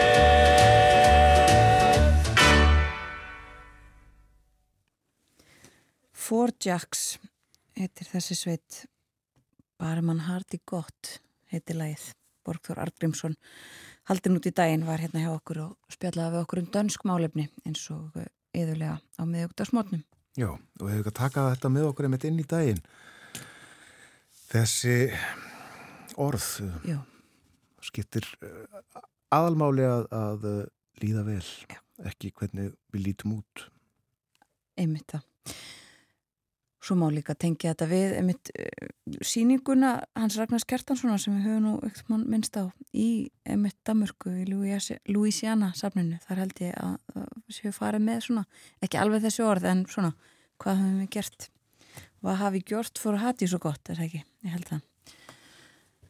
En uh, Borgþór var með okkur já og eftir stuttastund þá uh, verða með okkur þau Sonja Ír Þorbergsdóttir formaði BSRB og Sigurður Hannesson frangandistur í samtaka yðnaðarins báðum þau um að koma til okkar og ræða og fletta fjárlagafrömmarpinu sem að var uh, kynnt í gær og verður svo rætt á alþingi næstu daga. Þau verða með okkur hér eftir fretta yfirlitið sem er næst á dags frá morgunvaktarinnar. Fáum það á slæginu hálf nýju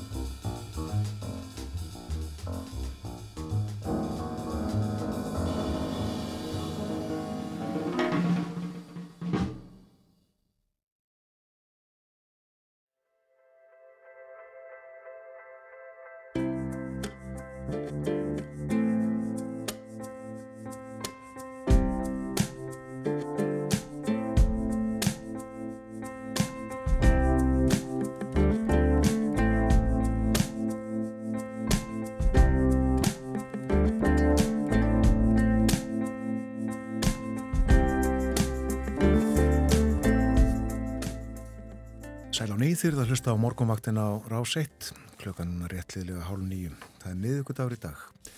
Fjárlaga frumvarp næsta ás var kynnt í gær. Það gerði fjármála og efnaðsráþrann Bjarni Bendiktsson og hann mæli svo fyrir frumvarpinu á alþingi á morgun og fyrsta umræða hefst þá og henni á held ég alveg örglega ljúka á förstu daginn. Málinu þá vísa til fjárlaga nefndar til meðferðar.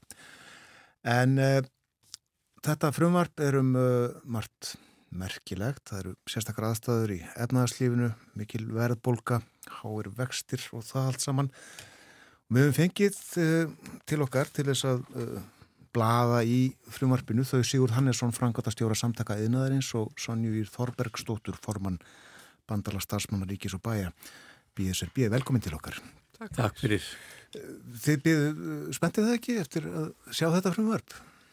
Jú, það er óvægt að segja það. Þetta er auðvitað svona eitt stærsta þingmálið á, á hverju ári og leggur línutnar, svona hvað að segja, stefnaríkistjóðunar auðvitað byrtist með hvað skýrist um hætti í fjálagafrömmarpinu. Já, tegið sig inn í alla málflokku auðvitað með einu með öðrum hætti. Já, svo sannlega. Sonja, býður þú jafnan spennt eftir fjálagafrömmarpinu? Í, það hefur alltaf verið þannig undarfærin ára það er svona í grunni verið að sinn, kynna sama fjárlega fyrir náttúrulega aftur og aftur, alveg sama hvort að verðbólgan hafi verið eins og neð núna eða, eða vakstastíð e, við þetta svona gerðum ráð fyrir svo sem efnislega þetta er með þessum hætti út frá því sem kom fram í fjármála áallunni e, en við vonuðumst þetta til þess að, að þetta er tímapunkturinn það sem er því sótt fram til þess að styrkja Eh, velferðarþjónustuna og almannþjónustuna þannig að, já, ég veit ekki hversu spennt við vorum, svo ég segi það reynd út mm. En stendur það ekki til að, að styrkja þessa þætti sem þú nefnir? Nei, eh, heldur þörst á móti að ef við horfum umverulega á að því að það er engin grundvallabreiting og við, þú veist, horfum til þess að, að við erum að koma til til að vel út, sko, ef við horfum til efnahanslega hérna, þáttar uh, undan faraldrinum, en það sem við erum auðvitað að glíma við er verbulgan og, og þar er leiðandi hækandi vextir og það bytnar auðvitað mest á þeim sem síst skildi tekjulegstu heimilónum og ef við horfum bara til þess að, að svona við sem þjóð, uh, við erum meila með þá grundvallar kröfunar því öll saman, allavega mikill meðluti að við viljum aukin jöfnuð. Og við vitum það að það er bara aukast ójöfnuður Og þá auðvitað gerir maður áfyrir að pólitíkinn taki þetta verkefni til sín og leggja til einhverja grundallar breytingar, grundallar hugsun á því hvernig þau umgangast fjárlögin af því eins og Sigur nefnir, þetta snertir okkar daglega líf og, og fjárlögin er að segja okkur ákveðna sögum um það hvernig samfélagi við viljum byggja. Og það er engin breyting. Og ef við tökum eins og rannsóknir vörðu á, á stöðu launafólks og þá bara næstu fyrir árið síðan varum helmingur sem að taldi segja er upp með að ná endum saman og, og þau sem voru þá í erfiðustu stöðinu voru einstæði fóreldrar og, og fólk af erlendum uppruna. Um, ég minna það eru breytingar á barnabótakerfinu sem voru búðar fyrir þó nokkru þannig að það er ekki, kannski, það er ekki verið að bæta í þennan málaflokk til þess að grípa utan eða þennan hóp. Uh, við getum ekki séð að sé uh, verið að fylgja sérst, ef við tökum varðandi almannatryggingarnar og það sem að hérna, hækkan til öryrkja að þá eru þær 4,9% þannig við teljum að það haldi ekki eins nýfi við, við hérna, verbulguna og svona heilt yfir að þá þetta er vitu við það að það sem að stuðlar hvað mest að jöfnu fyrir utan tekið tilfæslukerfin sem ég er nefna hérna er stert tilbyrðiskerfi, sterk félagsstjónusta, stert mentakerfi og svo framvís og það er enga breytingar þar á heldur. Heilt yfir, eh, Sigurður, hvernig eh, slóta þig eða slær? Þetta slær okkur heilt yfir bara ágætlega. Við náttúrulega fögnum því að ríkið ætla að leggja sín lóða á voðaskaluna til þess að draga úr verðbólgutrýstingi. Við sjáum að það byrtast á, á heimsanátt meðal annars til dæmis í, hérna, í gjöldum, krónutölu gjöldum sem að hækka um 3,5% en halda ekki yfir verðlag. Það er svona stert signal.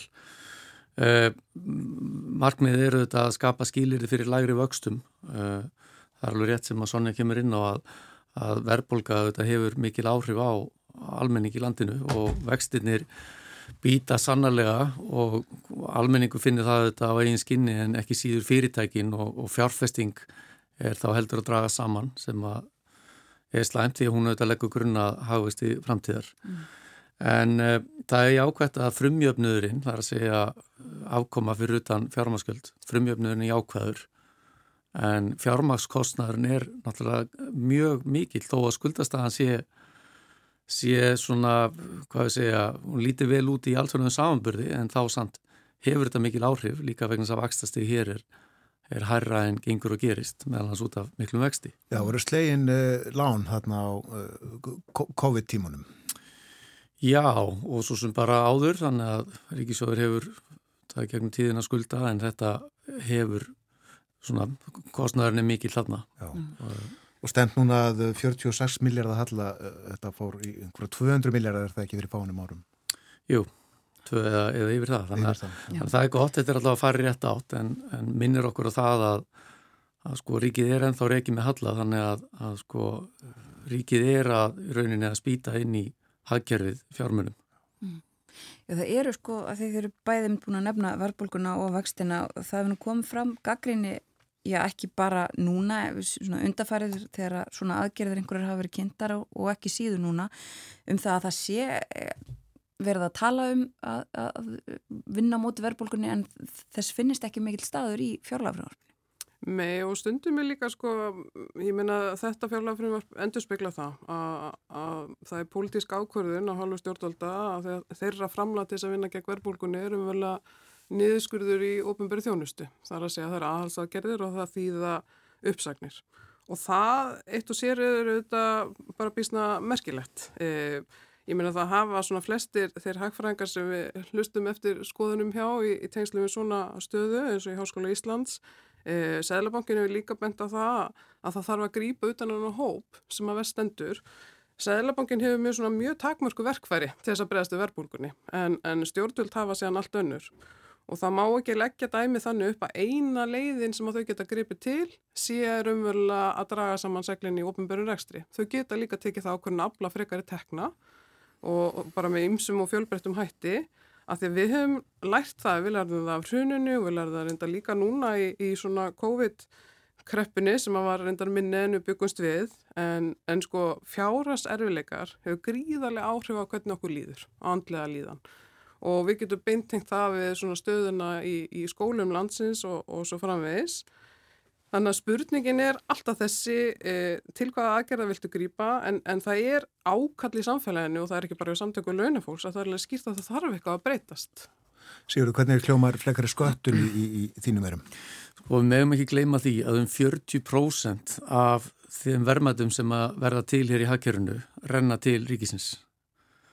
Þannig að í formi skatta og, og gjalda og þetta er mjög hátt í alþjóðlegum samanbyrði og það þetta, verður að skoðast líka í, í ljósi bara samkerfnishæfni þjóðabúsins því að verðmættasköpunum og fyrirtækin hér eru þetta að keppa við verðmættasköpunum og fyrirtæki annar staðar eh, þannig að það þarf að huga því. Og þetta, þetta stig 40% er, er mjög hátt annað, það má heldur ekki gleyma því að í frumvarpinu og í skilabóðum fjármáráþar í gær er sérstaklega vikið að því að verja framlýni þjónustuna sem að ég held að sé skinsanlegt og hann talaði um að sko fækkun ofnbæra starfsmanna, ríkistarfsmanna næmi væringstar á bylunu 2-300 og hafandi í huga að fjöldi starfsmanna hjá ríkinu eru þetta já, hleypar á 20.000 þá er þetta hlutfastlega ekki mikið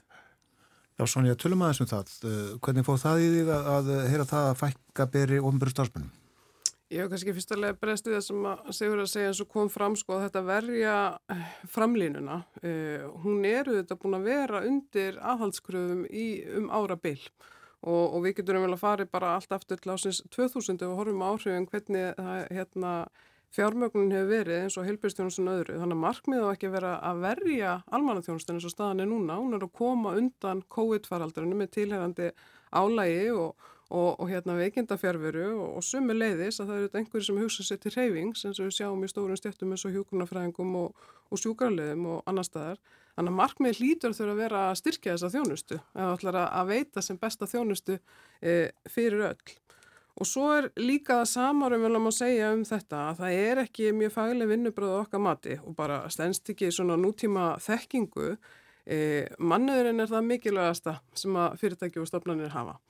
Og þá þarf við þetta að velta því fyrir sér að ef að þú allar ekki að endunja þegar það verður einhvers konar starfsmannavelta, Hvaða áhrif hefur það þau sem eftirstanda út frá álægi? Getur það letið meiri starfsmannaveldu, meiri veikindafjárveru sem þýður aukinn kostnæðir? Þannig að í grunninn að þá ætti markmið alltaf að vera hvaða þjónustu ætlum við að vita og tryggja þá að það gangi eftir og þá að fjármagnin sé sumulegis í takt við það.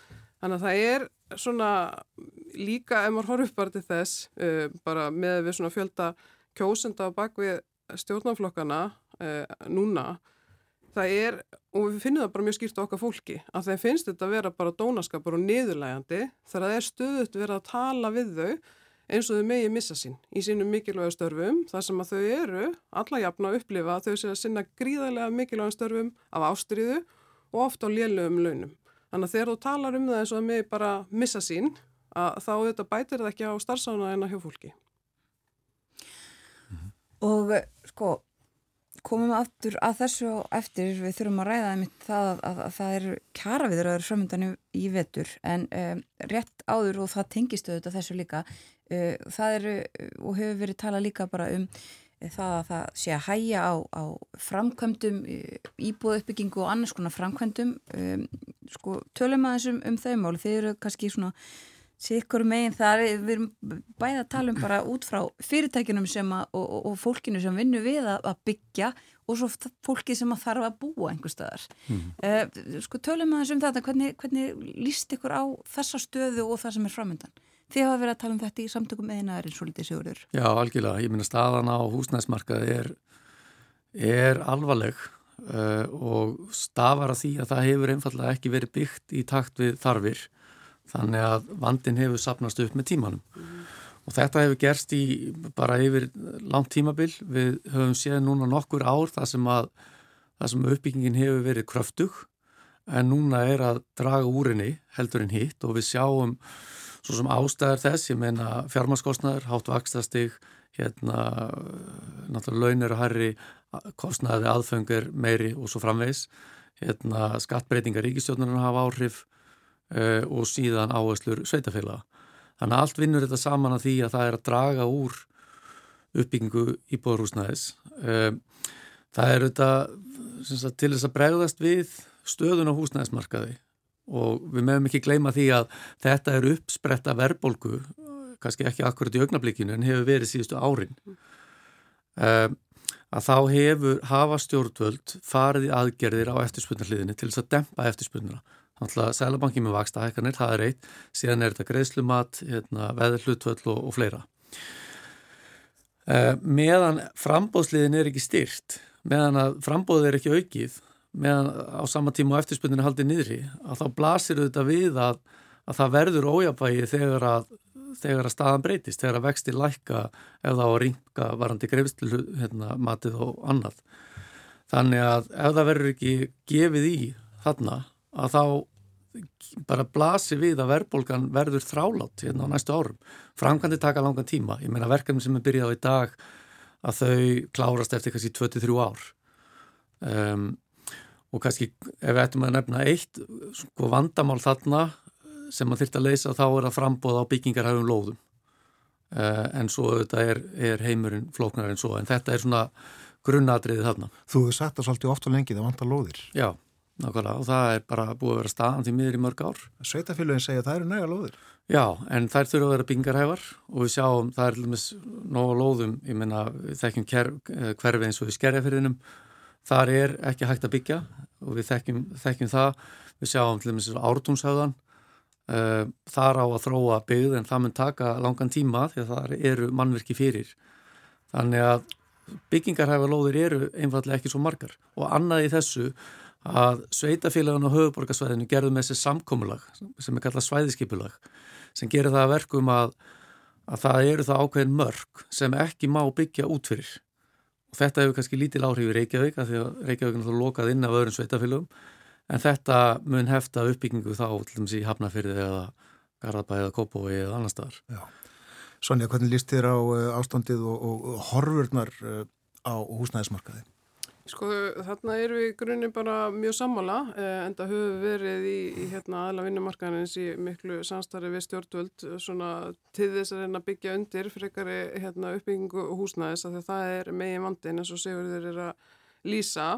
E, það var auðvitað gerður húsnæðarsáttmáli ríkis og sveitafélaga sem að vera að horfa til þess að byggja 4500 íbúður á ránum 2023 til hérna 28 og við vorum með þá skýrukröfu að, að það þyrsti að tryggja að það væri svona verulegt hlutvall að því e, væri þá í almenna íbúðakerfið. E, við teljum alveg ljóst og, og, og við erum svona vonast þess að það sé að koma meira svona, hvað maður segja, samfélagslega sátt um það að allir séu sammála um það að markaður mun ekki leysa allan enn að vanda. Eh, við þurfum að tryggja líka húsnaði á félagslegum grundvelli og sérst 30% af því húsnaði sem á að byggja á ári að það á að fara, sérst á að vera á viðræðanlegu verði eins og að kalla. Þannig að það er umvel þá inn í svona þetta markmið. Og fjárlegin þau gera núna ráð fyrir í samræmi við þetta markmið húsnæðsáttmálunum að við verðum með þúsund íbúður inn í almenna íbúðakerfið.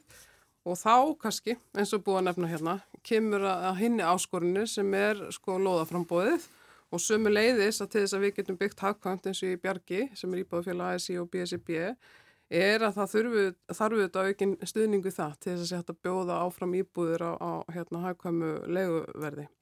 Við höfum líka verið sagt, í samstarfi og verið að skoða með stjórnvöldum eh, endur skona húsnæðstuðningi og, og þar hefur þetta lagt ríka áherslu á að það þarf að tryggja aukin stuðning til þeirra leyenda sem eru hvað veststattir sem er líka sá hópur í samfélaginu sem á hvað erfiðast með hann á öndum saman.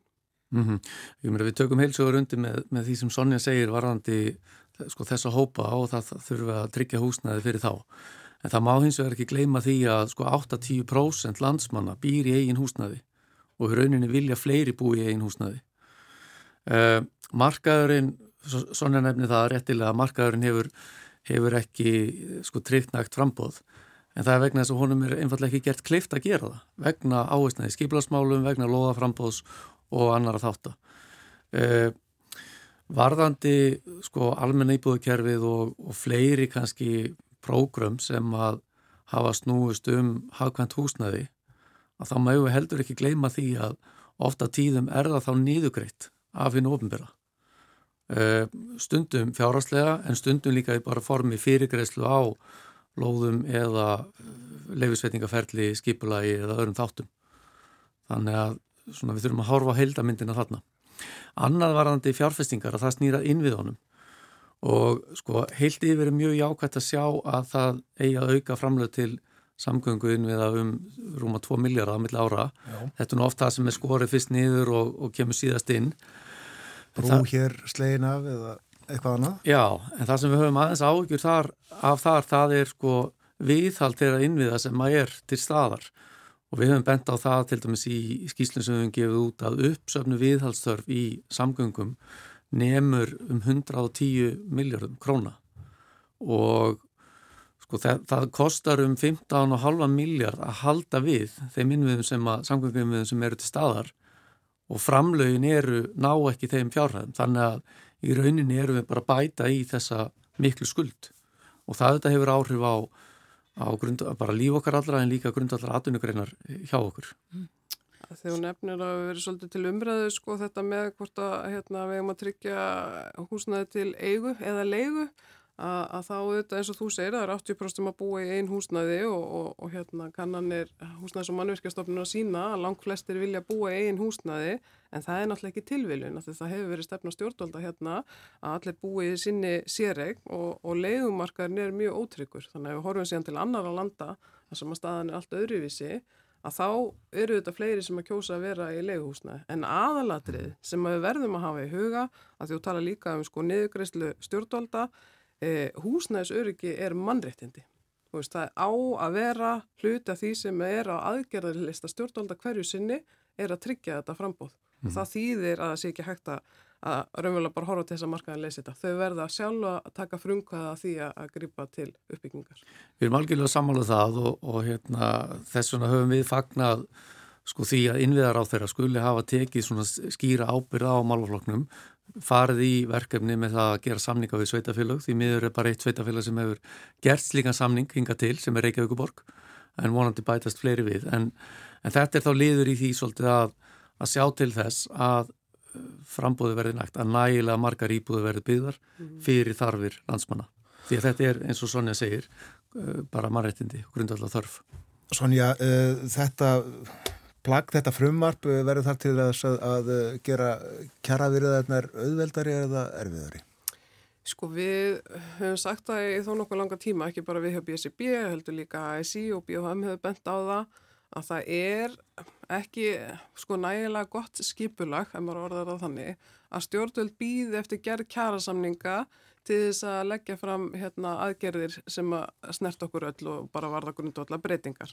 E, við finnum það að, að það er samt alltaf takturinn, að það er svolítið eins og sé að vera að býða með spil upp í erminni til þess að leggja fram þegar það er verið að reyna að litka fyrir um kjærasamninga. En það býru þetta bara til meiri ólgu og við finnum mjög stert fyrir henni núna sem þýðir að, ég meina bara ef við bakka aðeins, þú veist, lífskjörn okkar byggjast á því sem fáum í gegnum launafimslæðið eða gegnum stuðningsstjórnvalda og, og það skortir verulega upp á að við sem að endurhugsa tilfæslukerfin til þess að, að það sé hægt að búa til einhvers konar jafnbægi og það kannski hafa áhrif á þá að mitt launakröfuna sem verðum að gera í kjærasanningum. Það er ekki góð pólitík að fara að býða fram í februar núna með breytingar sem verða að komast á. Þannig að ef e e eitthvað sem að verður vantanlega í einhverju svona pakka, að gera pakka frá stjórnvöldum það hefði eftir að fara þarna inn. Já. Já. Mm -hmm. Samláð því sigur. Sko, alltaf grunni til er það aðala vinnumarkaðarins laun þegar hefingin og atvinnureikandur sem að semja sína millu um laun þannig að maður skilur það svo sem vel að ríki vilja halda þessar höndum og sjá til hvað það samtal skilar, hverju það samtal skilar. Já, uh, mælt fyrir frjálaga frumvarpinu á morgun en í kvöld er að stefnur að þið fylgist náttúrulega með, með henni og umræðum um hana.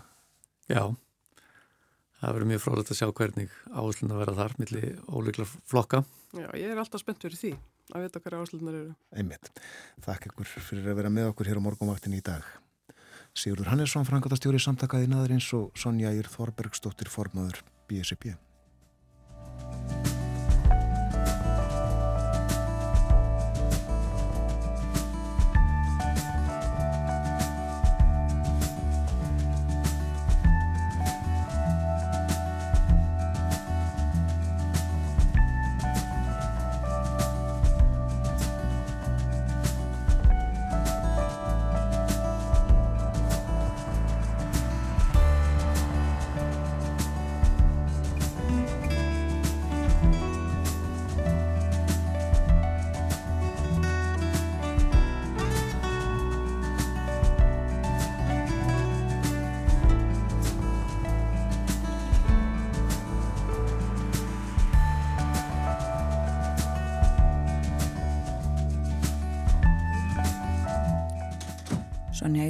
Þorbergsdóttir og Sigurður Hannesson voru síðustu gestur morgunvaktarinnar þennan morgunin. Rættu við okkur um fjárlaga frumvarpið og aðeins um veiturum framöndan. Hvers konar innlegg uh, þetta frumvarp er inn í kjaraviðröður þar sem að eru framöndan eftir áramót verða kjarasamninga lausir. En morgunvaktin er lokið þennan miðugudags morgun. Við þökkum samfélgina og verðum hér aftur í fyrramálið. Bjóðan góða dag þegar klukkuna vantar tíu mínutur í sjö. Alla virka daga. Njótiði dagsins og verið sæl.